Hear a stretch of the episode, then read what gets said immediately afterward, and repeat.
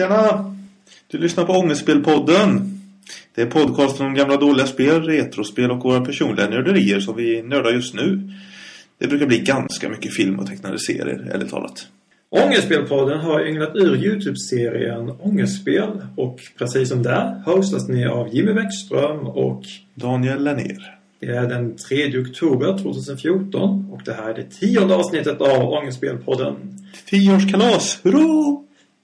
10 avsnittskalas. Ja, just det.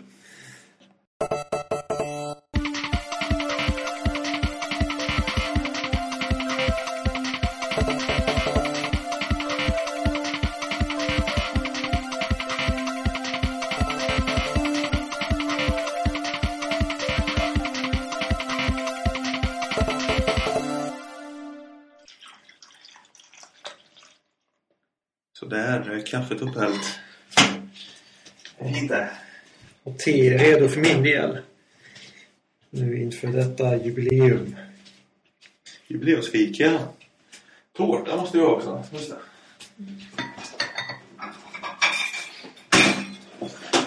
Får med lite, Ja. lite ljud här. Jag packar upp tårtan. Det är ju som vi sa till en början att det är tionde avsnittet nu. Och naturligtvis ska det här firas. Så det har förberetts här med, förutom i sann barnkalasanda, så även förberetts med lite tårta som vi ska ta här. Det ska bli spännande. Och sen har vi pyntat jättefint med gelanger och sugrör och grejer också. Ja, alla barnkalas. Ja. Så, här kommer tårtan. Tackar så mycket. En prinsesstårta. Ja, hoppas du äter prinsesstårtan nu. Ja då. Det har varit dåligt. För Ja. min del. Ja. Så där, nu har vi fotat också. Det måste man ju göra. Man måste ju upp bilder i Facebook. På Facebook-sidan och annat. Jag gillar detta guldtillfälle. Mm. Hur smakar tårtan? Är helt okej. Smakar som en prinsesstårta skall. Mm. Mm. Ja, helt okej. Mm. Importerad från Karlshamn. Mm. Mm.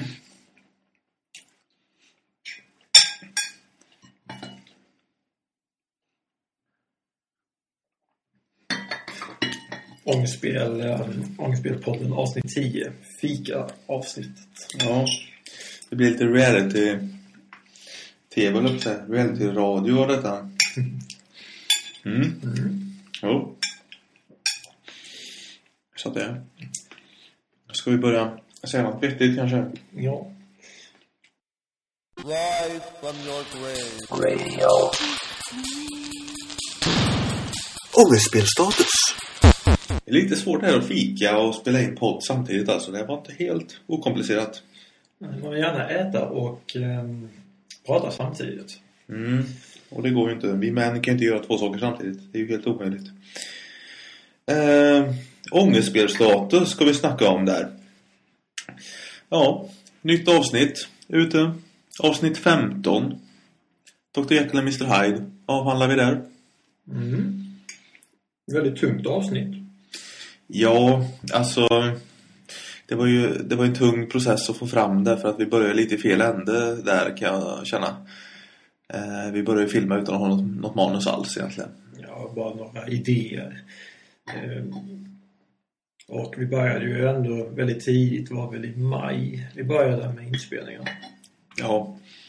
Men det var bra också för vi har hållit på att spela det här spelet ganska mycket. Så. Jag tror nästan aldrig vi har spelat ett spel så mycket till något avsnitt som vi gjorde.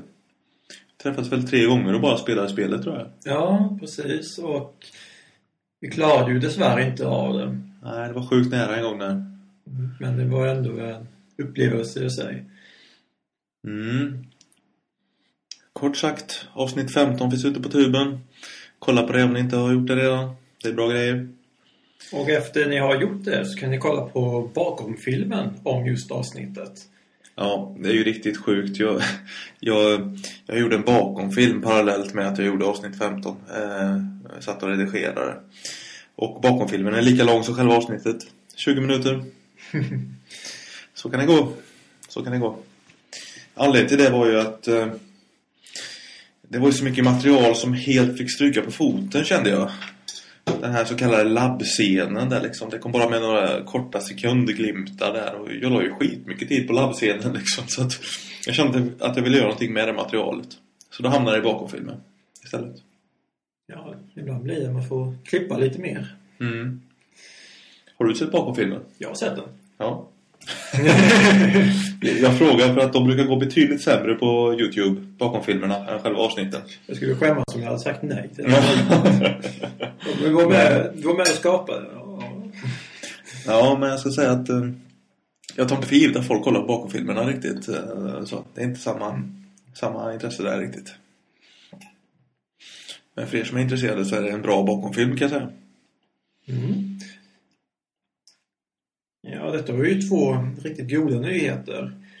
Men naturligtvis så kommer ju också en negativ nyhet. Medaljen har en baksida så att säga. Det är ju trots allt ångestspel där. Eh, den studio som vi har använt väldigt frekvent i ångestspel eh, Rickards studio, studio Bräkne-Hoby Is No More eh, Elevgården där håller på att renoveras så att då har vi fått utrymma studion helt enkelt där så att eh, vi har ingenstans att spela in greenscreen-bilder riktigt nu. Roligt för dem med renovering, men tråkigt för oss. För Ja. vi har ingen plats. Lite surt är det. Men det löser sig på något sätt. Vi får se om jag kan hänga upp en stort grönt skynke nere i källaren eller någonting. Alltid finns det någon typ av lösning. Ja. Ja, Det var ju kul att äntligen ta sig an eh, Dr. Jekyll och Mr. Hyde alltså. Det, det är ju ett eh, klassiskt eh, dåligt spel alltså, får man lov att säga. Och mycket omtalat också. AVG gjorde ju eh, det var ett av de första spelen han pratade om. Och han har ju återkommit eh, ofta till det här spelet också som ett eh, ökänt skräckexempel. Så det var ju roligt för vår del att också göra vår version av hur pass dåligt det är. Ja, och sen som jag berättade i bakomfilmen på Youtube där så eh, för första gången så fick vi ju fejka i ångestspel där. Vi hade ju inte originalkassetten där riktigt utan vi körde ju på emulator då på Spelade faktiskt spelet på en Dreamcast. Mm. Men det funkade bra det också. Facts for Nerds. Ja, det funkar rätt bra att spela det spelet. Jag har märkt att vissa andra nästspel funkar inte alls att spela med Dreamcast-kontrollen så att eh, det betyder att det här funkar rätt bra. Ja.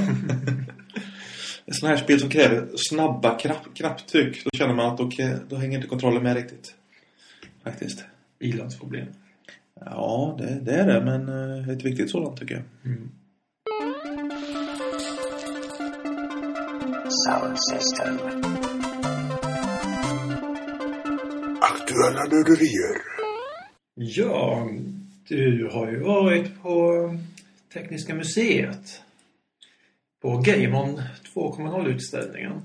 Ja, det är inte varje dag det är en ångestspelrelaterad utställning på Tekniska museet. Så det var man ju tvungen att se innan det stängde igen, kände jag. Hur var upplevelsen? Eh, det var riktigt bra faktiskt. Riktigt nice. Eh, de täckte ju in hela, hela spelhistorien där. Det börjar ju på 60-talet med lite så här myntspel och, och skit. Och sen gick det framåt då. Den första, första Pong arkadmaskinen.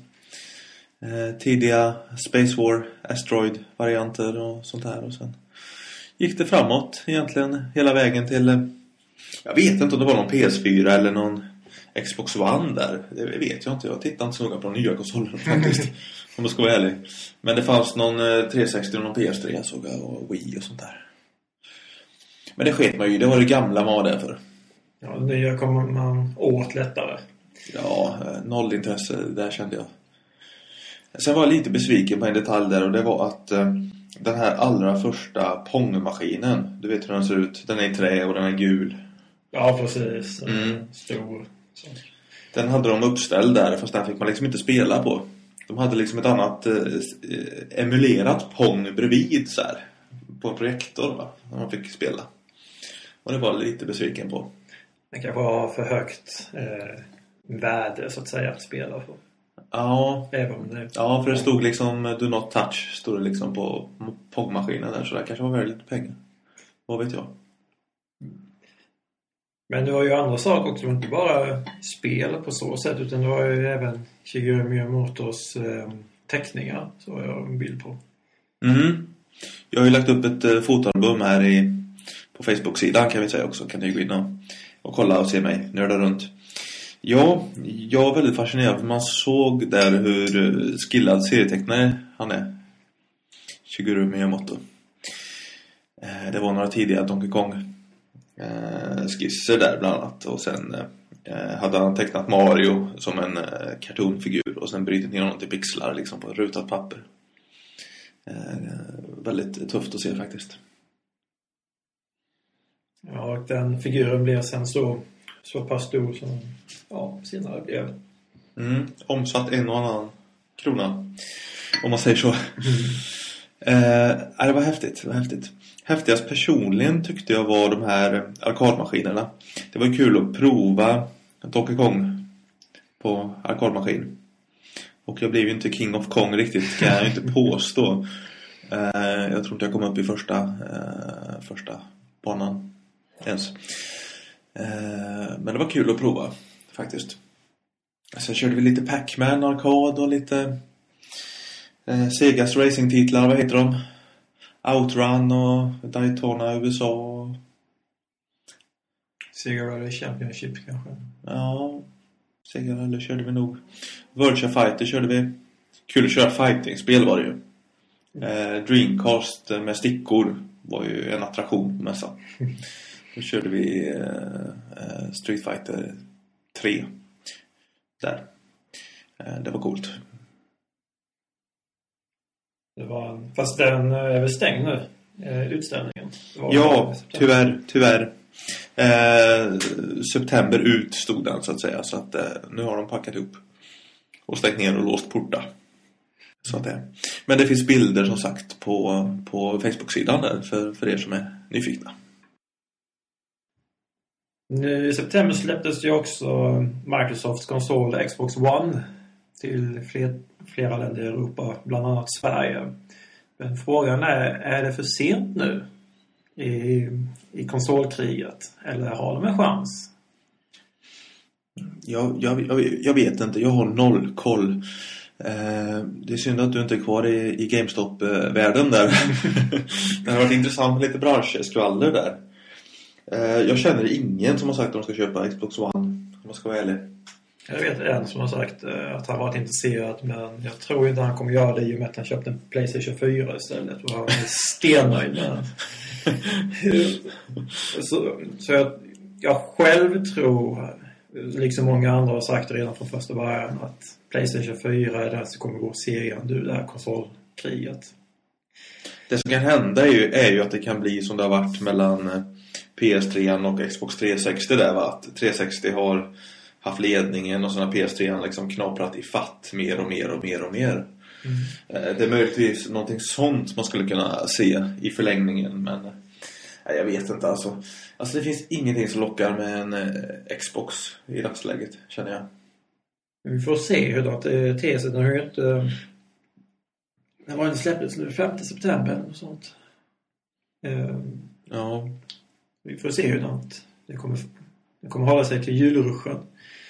Ja, mitt argument som skulle kunna vara till Microsofts favör det är ju handkontrollen alltså. Den gjorde de riktigt bra till 360 tycker jag. Eh, och jag har känt lite på PS4-kontrollen där och den, den, är ju, den är ju bättre än, än föregångaren men den, den är fortfarande inte bra om jag ska vara ärlig. eh, så jag, jag hoppas och tror lite att, eh, att, eh, att eh, det kan vara bra. Handkontrollen kan vara bra till Xbox One. Eh, sen får man se. Jag kan tänka mig att jag kanske kan överväga ett köp eh, när det har droppat i pris och när det kommer lite bra spel. För jag har varit så sjukt nöjd med 360. Det är det va. Jag, jag är lite fanboy liksom till den va. Jag tror det har väldigt mycket att göra med hur dåligt utbudet blir. För vi vet nu hur dåligt prestandan är på, 3, äh, på Xbox One och eh, liksom hur dåligt den är på PS4. Men hur, hur kommer spelen, de exklusiva spelen? Vad är det för något som gör att jag kommer vilja spela Xbox One istället för Playstation 4? Det är nog fortfarande för tidigt att säga.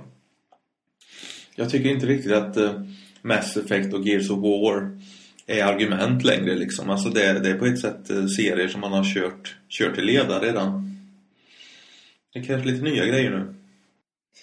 Ja. ja, vi får se som sagt. Julruschen kommer. Och sen får vi se om Wii U kommer knappa in där också. Kommer ju komma en del. Kommer krypande, som en sån här slamkrypare där. Ja. Ja, det vet man aldrig. Ett nytt Zelda här och lite nytt. Alltså det har blivit en liten, liten uppsving på Wii U med Mario Kart 8. Mm, Det spekuleras att det ska bli eh, nu till julen att det kommer säljas mer. Eh, Det är ju inte bara Mario Kart 8. eh, Smash Bros. Melee, nej, Melee. Nya Super Smash Bros-spelet ska ju Ja, släppas där också. Eller har släppts, släpptes idag. Jaha. Nej, eh, det är till 3DS släpptes idag. Eh, till Wii U släpps den inte förrän till eh, julen. Eh, så det ryktas att det kommer öka försäljning, men det får vi se. Det är ju för tidigt att säga nu. Men du hade kört lite Super Smash Bros. Någon eh, demo eller, eller något va? Ja, eh, det är hans demo till 3DS. Och eh, jag blev nyfiken på på för att jag har läst många som har gillat spelet. Och jag själv körde väldigt mycket just när Melee var som nytt.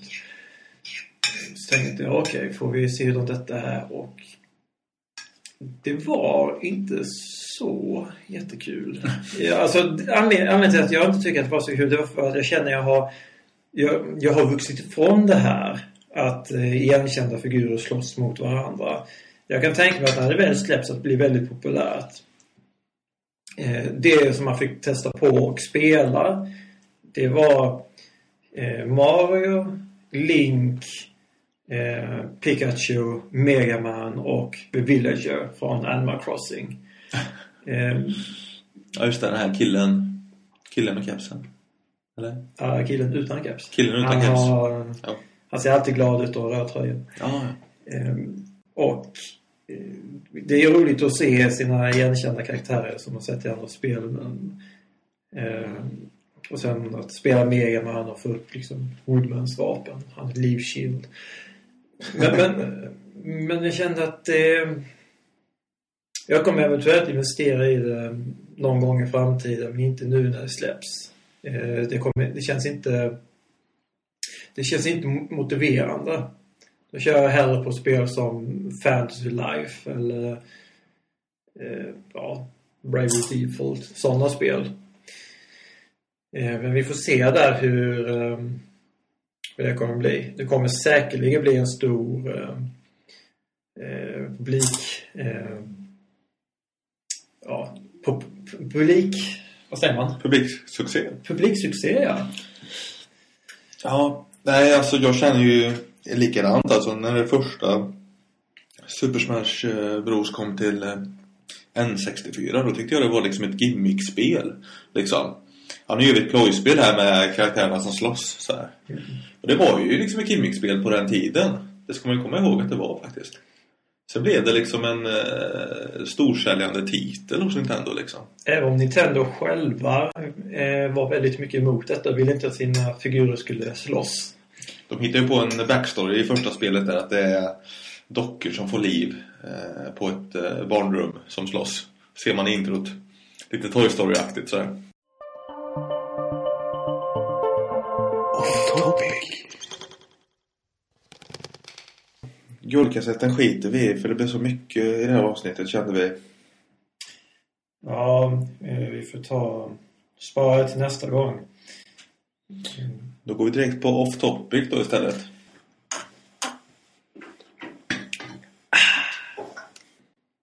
Off topic då. Mm.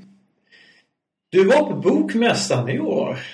Ja, Det var där bland annat för att promota eh, ditt album. ja precis.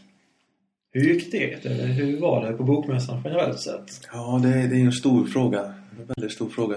Jag ska hämta mina böcker tror jag som jag köpte. Vi tar och pausar lite. Ja, vart var vi någonstans? Looten, vad är ditt fynd? Eller vad är ditt kap från Alltså-? Alltså det blir ju att man träffar många bekanta och köper och byter mycket böcker så här. Eh, men jag köpte Den här, Daniel Ahlgrens nya superhjältebok. En sån här titel som fullkomligt rullar av tungan. Igår, idag och imorgon blir aldrig mer som förr, heter den. Eh, Jimmy Wallin med och tecknar också som vi båda känner. Ja, just det. Jag ser det. Eh, Jag köpte en Ramones-bok här. Mycket för att det var snyggt omslag. Och den var billig. Ja, det är riktigt snyggt. Får mig tänka på så här gamla böcker från vad är det, 70-talet. Eh, det är en serietecknare eh, Kim V. Andersson tror jag han heter som har gjort, gjort omslaget här. Eh, det är Didi Ramone som har skrivit en, en bok med massa, massa skit i. Det kan ju vara kul att läsa kanske. Eh, så fick jag ett eh, science fiction fanzine. eh, och Eh, ett episkt eh, verk här. Eh, ett utdrag ur fantasyroman så.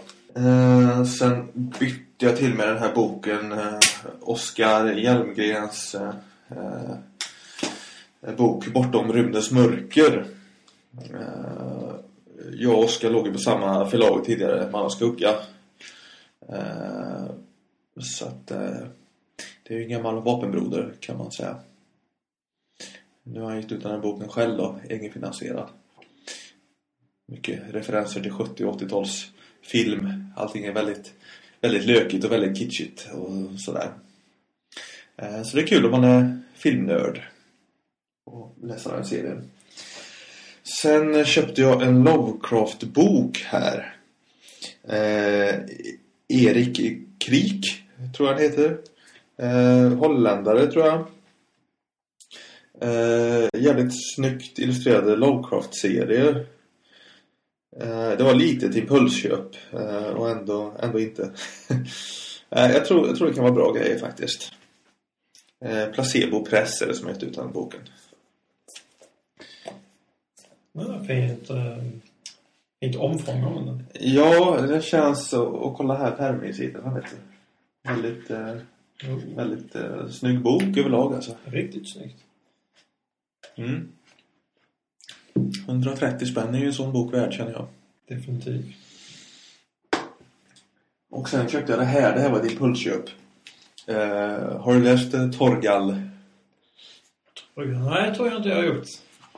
Torgal, Vikingen från stjärnorna. Och detta är då Torgal-krönikan band 1 från eh, ganska nya Kobolt eh, förlag. Som satsar på ut kvalitetsserier på svenska. Samlat kronologiskt. Eh, Torgal gick ju som... Eh, går fortfarande som biserie i Fantomen. Eh, så jag läste mycket där under min storhetsperiod i, i den tidningen. Eh, och det är ju, det är ju 20 år sedan nu. Det, jag, läste, jag läste Fantomen extremt mycket. Det var väl 93, 94, 95 sådär. Eh, då var det mycket Torgal. Och det är ju då en serie som utspelar sig på vikingatiden.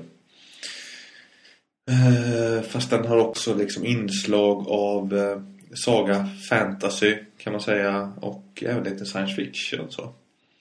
Så att eh, det är en riktigt, eh, riktigt bra äventyrsserie. Snyggt tecknad som bara den också. Den skulle de göra film på. Alltså. Nej, alltså den skulle de göra film på. Ja, de skulle göra det, men det Eh, blev kan, kan, nej, alltså jag, jag tycker att det, det där är en serie värd att filma om man säger så. Ja, okej. Då. Eh, för det, det där är ett bra källmaterial alltså. Det är en riktigt bra serie alltså. Och sen är den så här episk också serien där att eh, jag vet att det var fascinerad av när jag var i den åldern, 13-14. Hade liksom inte läst en serie där huvudpersonen eh, träffar en kvinna, gifter sig, får barn, barnen växer upp, är med om egna äventyr. Alltså, de åldras i realtid om man säger så i serien. Mm. Eh, och lite förvirrande också i Fantomen för att ibland var han ung och ibland var han gammal och sådär. Eh, Torgal, så att... Eh, det ska bli kul att läsa den igen i kronologisk ordning här, serien, känner jag. Bättre grepp om hur den vad, den handlar om. Ja. Så blir det lite också när man har köpt första bandet då får man ju fortsätta liksom. Det tar aldrig slut. Men det är, ja, det är billigt på bokmässan. 150 spänn kostar den boken. Det är, är det fyra böcker som har kommit än så länge? Nej, det, den samlar fyra album då. Ja, denna har fyra huvudvisar. Mm, Okej. mm. Och se hur många det blir sen. Ja, jag vet inte hur många, många det finns totalt faktiskt. Jag vill inte veta, jag på att säga. eh, de där två tecknarna, jag får klippa bort det här om det är felaktigt sen. Jag är inte hundra på det, men jag tror att det är så att de fick eh, Adamsson-statyetten för bästa utländska seriealbum i år. Adamsson-statyetten är ju det finaste pris man kan få inom serier i Sverige. Det är typ Oscarsstatyetten inom serier. Om man säger så. Serieakademin med bland annat Lasse Åberg i spetsen delar ut det priset. Stora grejer. Mm. Det som var lite kul med det priset var att eh, det svenska priset där tillföll eh, Daniel Ahlgren. Boken i botten där. Eh, inte bara för den boken då utan för ett eh, för en livslång eh, gärning om man säger så. Han har gjort närmare 20 böcker. En hedersstatyett Ja, ja.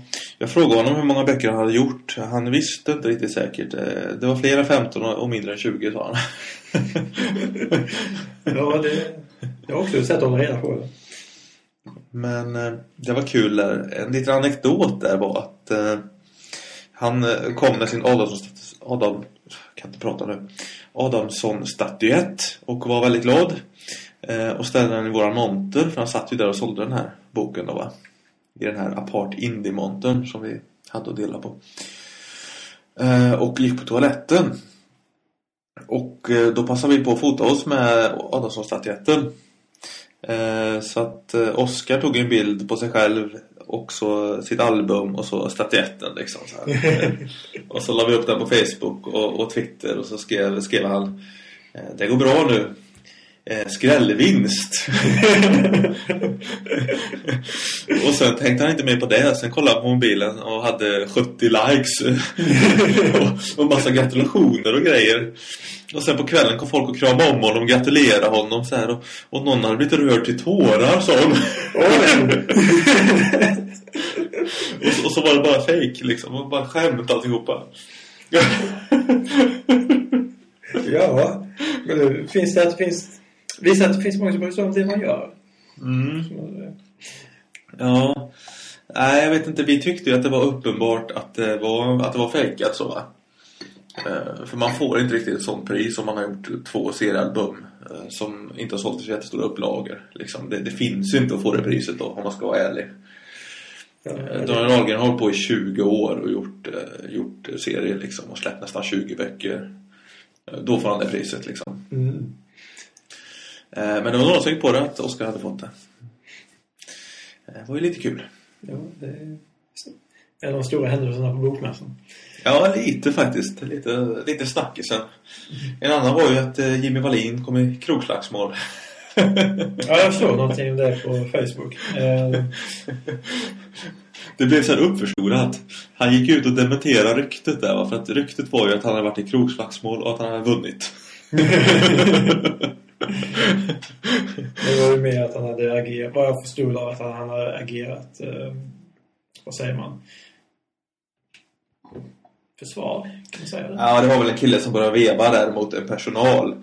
Och då kopplade Jimmy polisgreppet på honom och brottade ner honom. Ja, precis så. ja. Och höll fast honom en stund.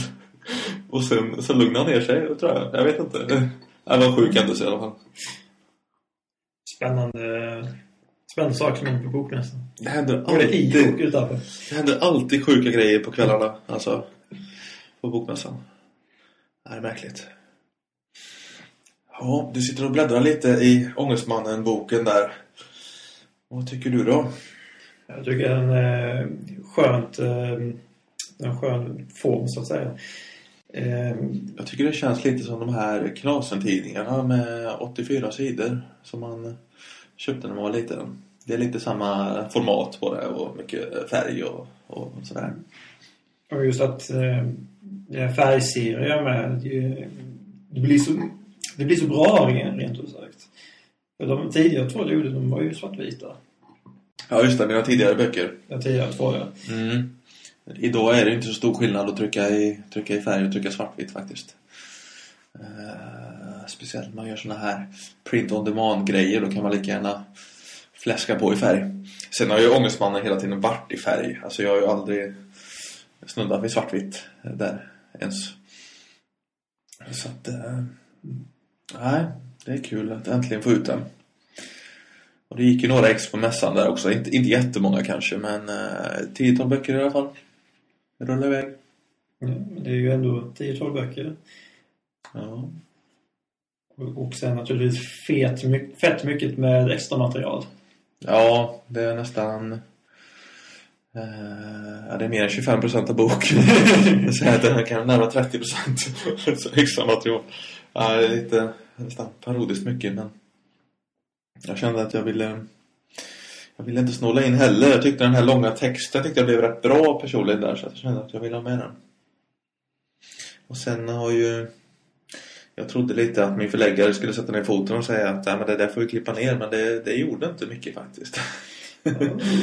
så att då fick det vara kvar. Mm. Ja, den är på drygt 100 sidor över. Alltså på albumet sig. Ja, ungefär 100 sidor. Ungefär exakt. Tyvärr blir det ju lite dyr med den här eh, print on demand-lösningen då. På nätet så finns det ju uppe nu på Bokus och Adlibris och de här sajterna. Och då kostar den ju 235 spänn ungefär. Det tycker jag är lite dyrt alltså. Ärligt talat, jag tycker 135 hade varit lagom. Ungefär. Ja, jag förväntade mig kring 200 i så fall. Ja, ja det ligger väl ungefär där och Ja. 235.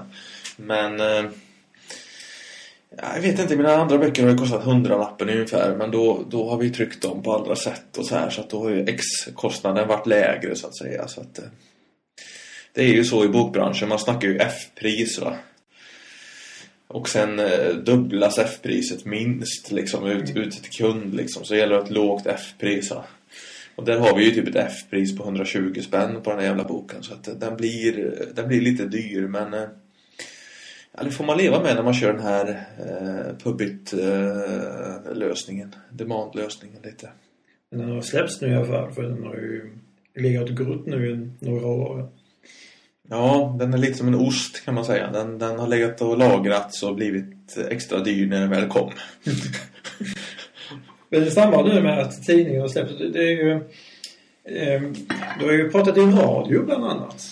Ja, jag har gjort lite media på Ångestmannen här nu, den gångna veckan här. Lite före mässan, lite efter mässan också. Eh, snackade med Radio Skaraborg på radiolänk där. Pratade lite om superhjältar generellt sett och om Ångestmannen specifikt. Eh, det inslaget gick också i Radio Blekinge. Så. Och du har även nu efter bokmässan har du varit med i kommersen. Ja, det stämmer. Våran gratis blaska som kommer en gång i veckan här nere i Blekinge. Eh, ligger länkar där på Facebook också på detta. Kan ni gå in och läsa. Det var en rätt kul bild vi gjorde där. Vi samarbetade jag och Oskar som gjorde artikeln där. Ja, det blev ett roligt collage där. Mm. Mm. Ja, jag är nöjd med. Men andra som vill ha, få tag på eh, albumet nu, det är Bokus i så fall bland annat. Ja, det är nätbokhandel som gäller. Nätbokhandel då. Eh, Bokus, Adlibris, CD-ON. Eh, jag tror inte Micke har fått upp någon webbshop men han kanske ska ha något eget också. Eh, vad vet jag. Eh, jag ska försöka pusha e-boken hårt också när den, eh, när den finns. Det är på Eh, gång det också. ja, ja, det är det som är med eh, nya komikerförlag nu då. Att det är eh, digitala böcker och då menar vi e-böcker och eh, print on demand. Eh, Det som är fördelen med e-bok är att den där kostar 45 spänn som e-bok. Det är skillnaden. 235 som pappersbok. Så stor är skillnaden. Och våran förtjänst är densamma liksom. Så jag känner ju att eh, kränga sådana här för 45 spänn, det känns väldigt eh, trevligt. Man kan läsa den i sin platta eller hur långt nu man läser. Ja, ja, och då kanske man kan få folk att eh, impulsköpa lite mer eller så. Så, har vi något mer som är off topic här nu? Ja, vi kan ju börja med den här stora affären som blev nu Microsoft. Microsoft? Mi- Microshop Ja. har shottat. Eh, Microsoft har köpt upp Minecraft. Eh, Köpt Mojang Studio. Mm. Eh, De tyckte det var billigt och bra. Ja, det Kommer du kostar ihåg prislappen? någon miljard. Ja, men några miljarder eller var det... Nej, några miljoner måste Nej, det vara. miljoner. Det, det var väldigt mycket i alla fall. Ihåg summan. Flera triljoner! Ja, massa pengar! Eh, däremot så, Notch han hoppar ju av, liksom de övriga två. Eh, ska- Jaså? De ska inte vara med längre. Det har jag missat. Nej, det var de ute ganska snabba med. Okej. Eh, men eh, sen återstår att se vad Microsoft kommer göra med just Min- Minecraft. Det, det är det vi ska göra med ångestspel, du vet. Vi ska bygga upp detta så det blir skitstort. Och sen, sen blir det värt jättemycket pengar och då, då säljer vi det. Ja. Till Microsoft. och sen bara, oss inte längre. Nej,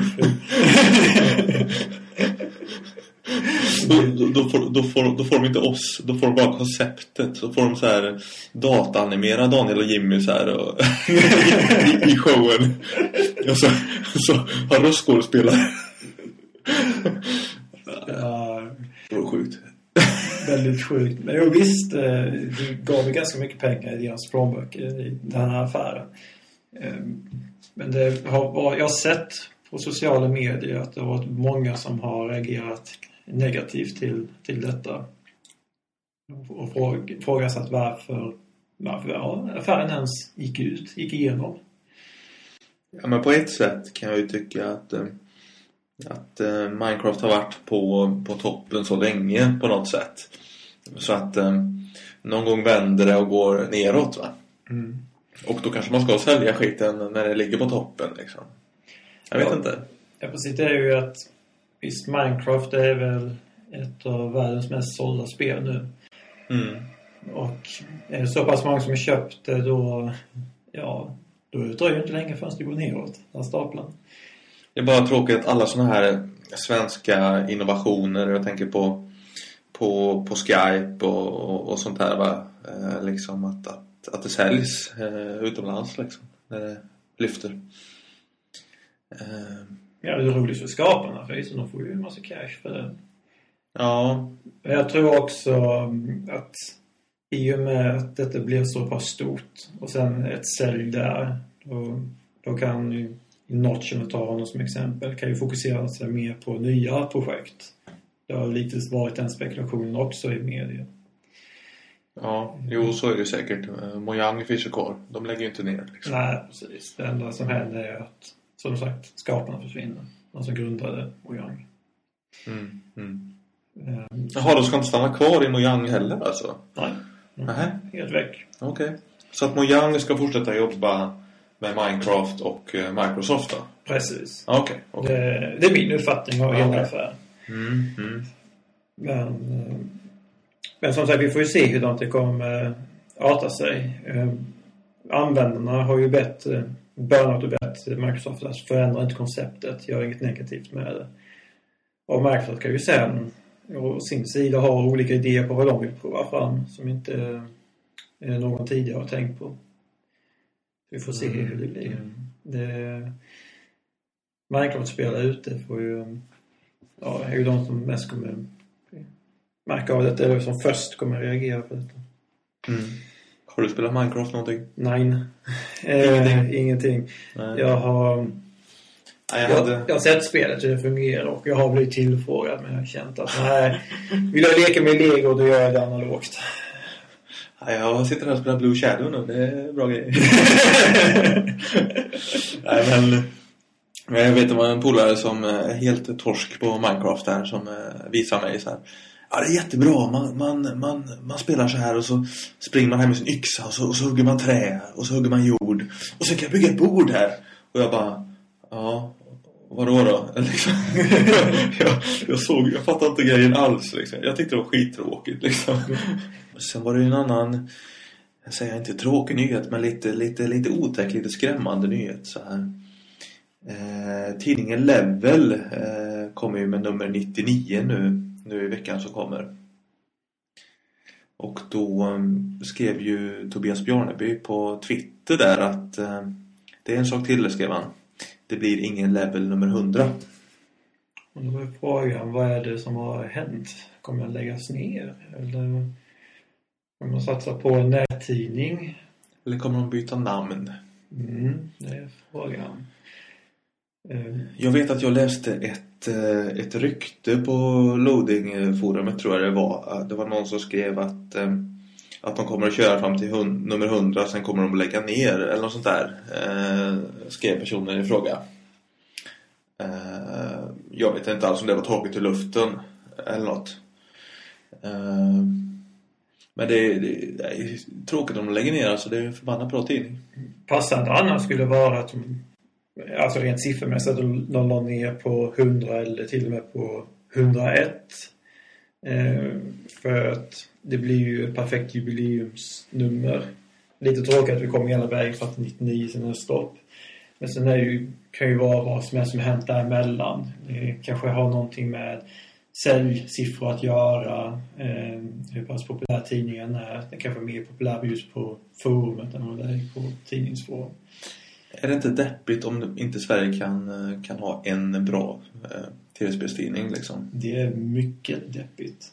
Eh, Frågan är, kan det vara, kan det vara ihopslagning med PC Gamer eller något sånt där? Eller? Jag vet inte. jag tvivlar på det men det är ju mycket som man kan spekulera kring. PC Gamer det är ju bara PC. Det säger ju sig självt. Är till en level ju PC och konsolspel. Det blir ju hur pass... Hur skulle PS Gamers plats ta i en level-tidning? Mm. Och sen, vad är, det, vad är det andra för speltidningar som finns eh, som är svenskutgivna? Den här gratistidningen som ni hade på GameStop. Ja, Game Reactor. Game Reactor. Ja, DAS-tidningen som många kallar den också för. Men det var... Min erfarenhet från GameStop-perioden är att de flesta som läste tidningen klankade ner på den. Men lik förbannat frågade de efter när den kom in. Så det är att vi vill ha den, vi vill läsa den men vi tycker inte om de som skriver den. Det är en sån här hatkärlek. Ja, det har ju varit mycket kontroverser där. De rankar snyggaste tuttarna i spel och hade sig där liksom. Det har varit lite sådana här eh, grabbiga kontroverser som har varit lite onödiga. Det, Men, men eh, ja, jag vet inte. Alltså jag, jag plockar alltid upp den tidningen också på GameStop liksom. Och läste recensionerna främst. Det gjorde man ju. Men jag tyckte jag har alltid tyckt att både Superplay och Level har varit det bättre alternativet. Men sen betalar man ju nästan 100 spänn för en Level också. Det gjorde man ju inte för en Game Reactor. Nej, precis. Där, blir det, där fick man ju vad man betalade för. Ja, Mer noll spänn. Precis. Bara reklamtidning. Kom med som en spelupplaga. Ehm, Men det är som du säger att Level är en bra tidning rent eh, recensionsmässigt och reportagemässigt också för en delen. Så att är det som så att den kommer försvinna så är det oerhört tråkigt. Jag vet att jag läste en insändare i Level eh, eh, där de skrev liksom att ni verkar inte veta vilken tidning ni vill vara. För ena stunden så är ni värsta smala fanzinet. Och nästa sekund skriver ni om eh, storspelet liksom och recenserar det. Eh, Men det tyckte jag, alltså det är ju positivt att ha den spännvidden. det är ju, det är på något sätt det man vill vara på något sätt liksom. Men det är lite så här med spel att folk, folk vill se samma sak som de sett tidigare men vill se ett nytt spel. Det blir, men det blir ju, du får ju se nya saker men du klagar på det ändå. Jag tycker också att det är bra att de varierar eh, på det sättet. Och eh, som sagt reportagen är väldigt bra, eh, intressanta. Just att prata med olika spelutvecklare. Vad har ni gjort? Hur har ni kommit hit? Eh, Sen har ju Level gjort otroligt mycket för spelkulturen i Sverige. Om man säger saker som eh, manga och anime och eh, eh, cosplay på senare år eh, har ju de hjälpt till att, eh, att lyfta fram och, och göra större, vågar jag påstå. Även retrobiten har ju fått luft under vingarna. Retrobiten fick väldigt mycket utrymme när de gjorde om den. Ehm, Säg att jag började samla Dreamcast för jag läste om det i Level och tyckte det var ballt liksom. Bara en sån sak. Ja, eh, som sagt. Eh, eh, det var ju också kul att de gjorde, på tal om det här med retron, att det, vill man läsa just en retrodel så var det bara att bläddra bakifrån och fram i tidningen för det stod ju allting där. Så här flipcover på tidningen. Precis, och det Det tycker jag var en positiv, för det gör ju lite roligare att läsa eh, analogt sätt. Mm. Som att vända skärmen funkar ju inte riktigt. Nej, just det. Du tänker så, ja. Mm. Ja. För det blir nytt möte gammalt. Mm. Lite som du sa. Mm. Mm. Ehm, men ja, vi får se nu. Nummer 99, har den släppts? Nej, den kommer... Om den inte har kommit idag så kommer den nästa vecka. Mm. I alla fall. Den får man ju köpa känner jag. Då ska Ja. de ranka de 99 bästa spelen den här generationen. Ska de göra. Så det blir någon sorts knyter ihop säcken här de senaste 10 åren typ. Ehm, Alltså Xbox 360 är ju nästan 10 år. Den kom ju 2005 liksom. Så att, Ja, fan det var snabbt tiden gått. Ja.